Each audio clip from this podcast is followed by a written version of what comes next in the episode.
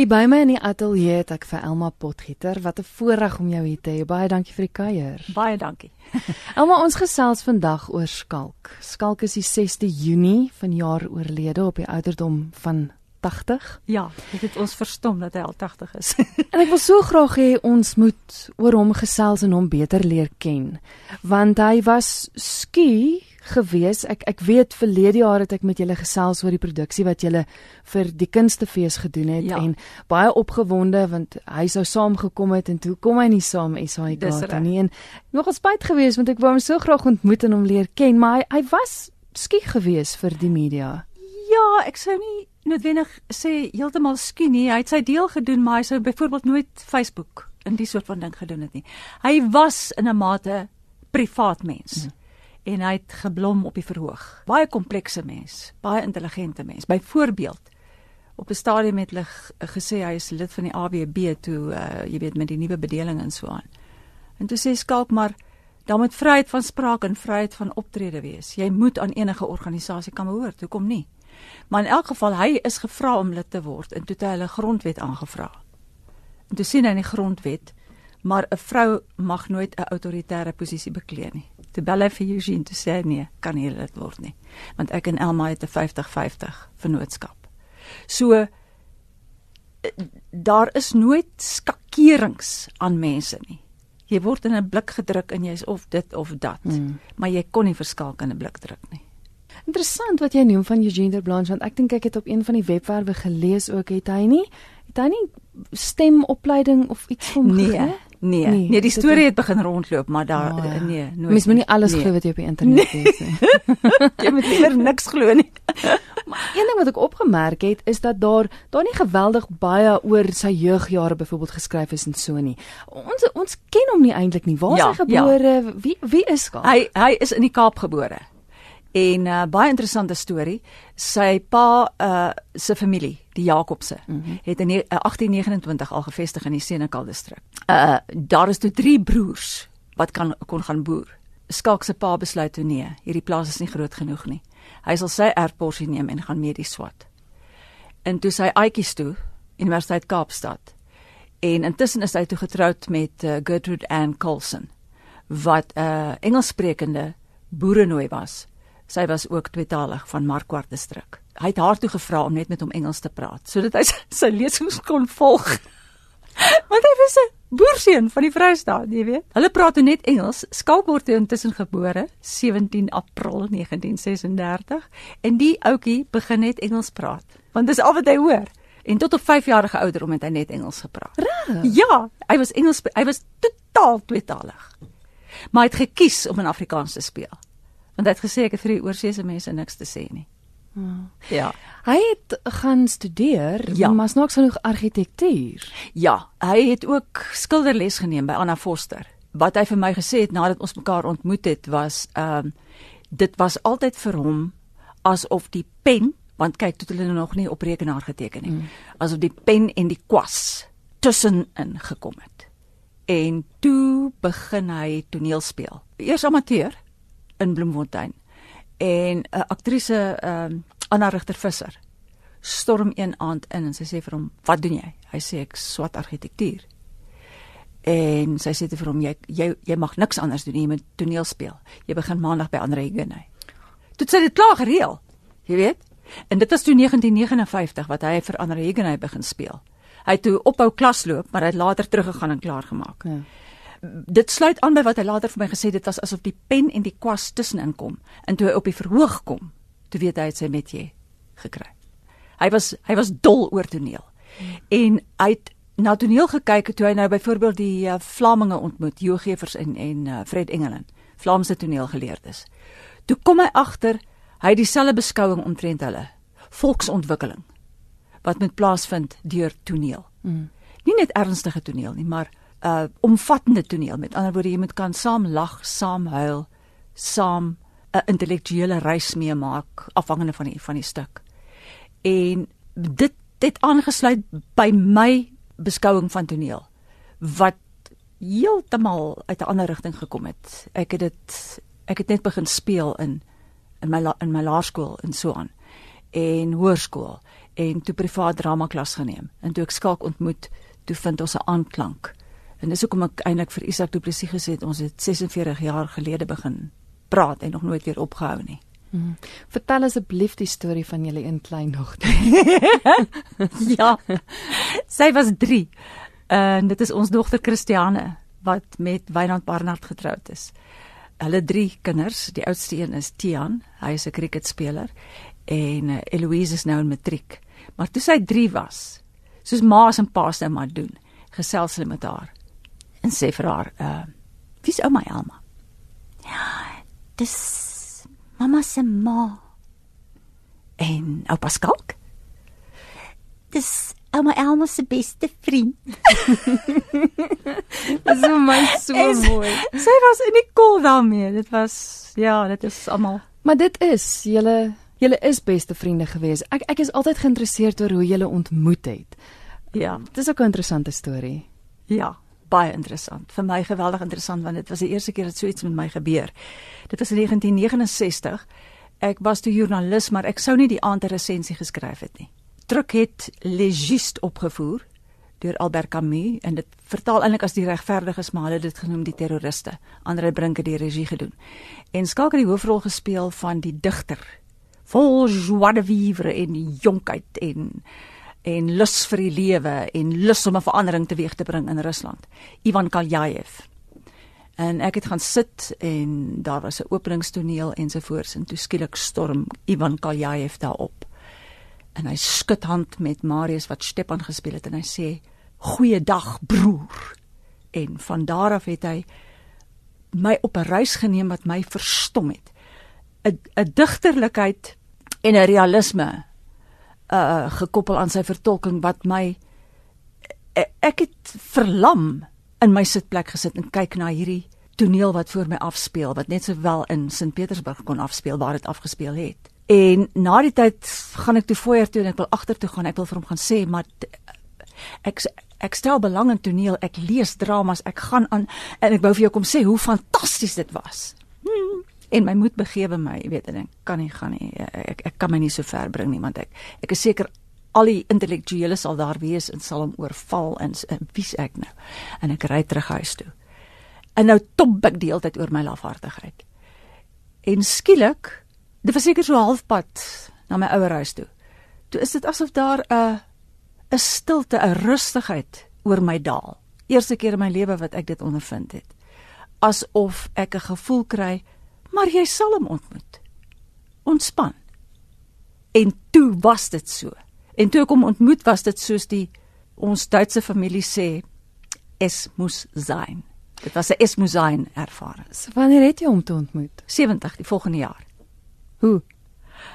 Ehm, um, hoe? O ja. hy was besig om sebra te skiet in Rhodesië. Uh Zimbabwe nou. Ja. Uh ek word toe ingeroep na uh die nuusredakteur se kantoor. Is jy lus vir 'n trip potgieter? Ja, natuurlik is mens altyd lus vir 'n trip, jy weet. En uh, hulle sê toe nie ek met Rhodesië toe gaan want Kavalier skiet daar 'n film, Skalk Jakob speel die hoofrol en so aan. Op daai tydstip blink ek nie eintlik kloukie by die oor nie. Ek is nou net besig om voor te berei vir hierdie reis.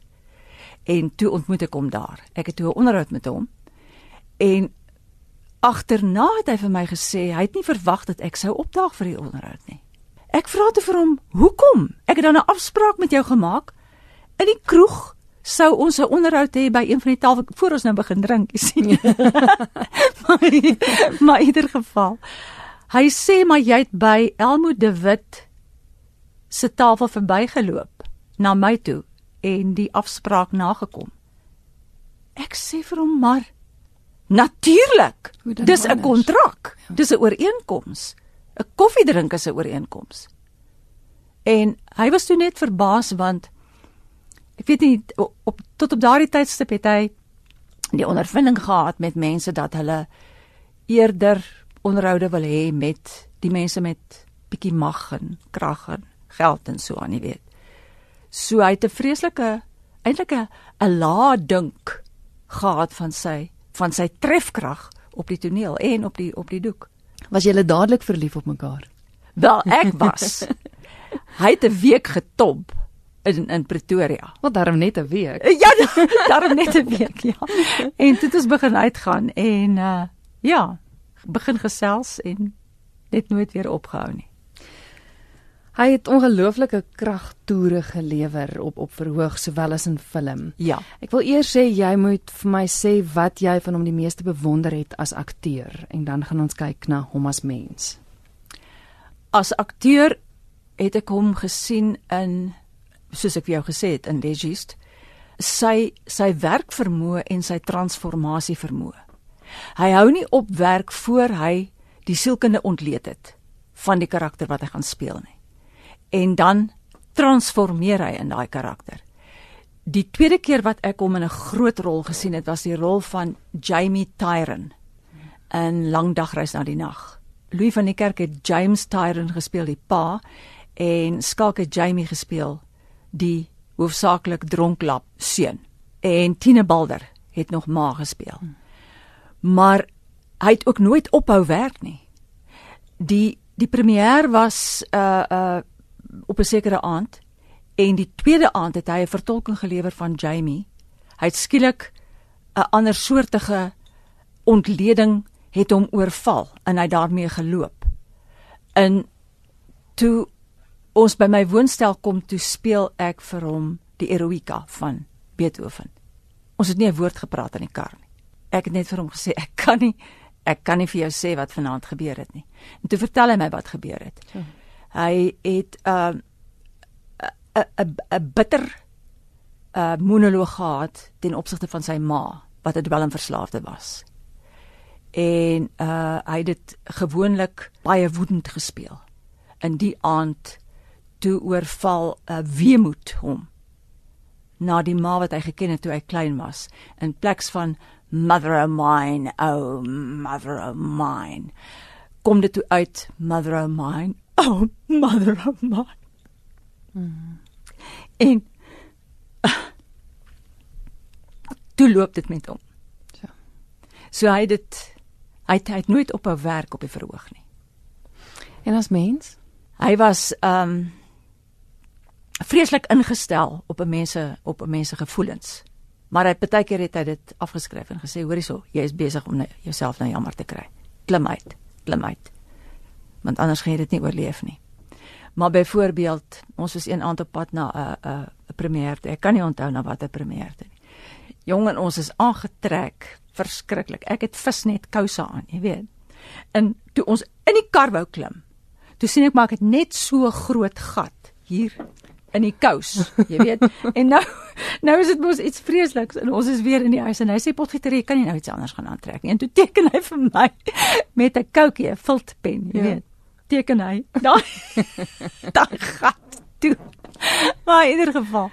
Uh ja, wat kan ek sê? Hy was my anker want mense dink dalk, ek weet nie, uh dat ek jy weet gebalanseerd is, voete op die aarde, maar ek kan baie gou baie ontsteld raak in my gemoed dat ek half in 'n in 'n paniektoestand wil gaan. Sê nee man, dit dat en die ander ding, jy weet. Uh verbeel jouself hulle sonder klere of iets in diervoege, jy weet, net om jou weer aarde toe te bring.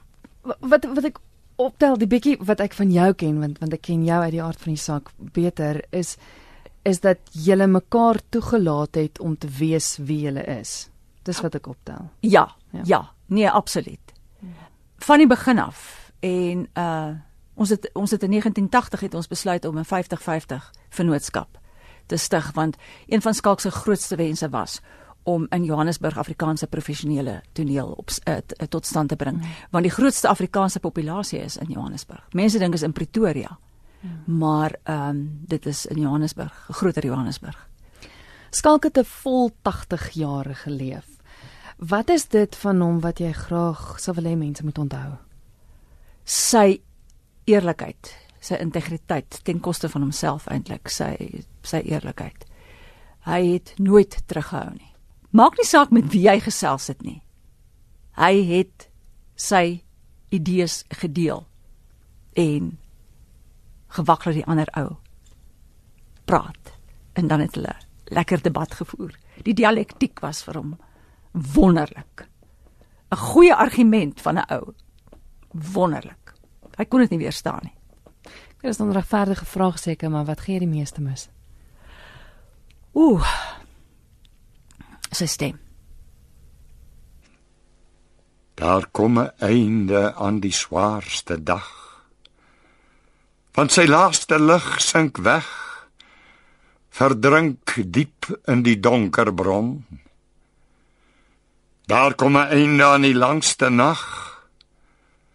Want sy gesternte stort hulle in die blou afgrond van die son. Daar kom 'n einde aan die pad deur die woestyn. Selfs aan die woestyn kom daar 'n einde aan.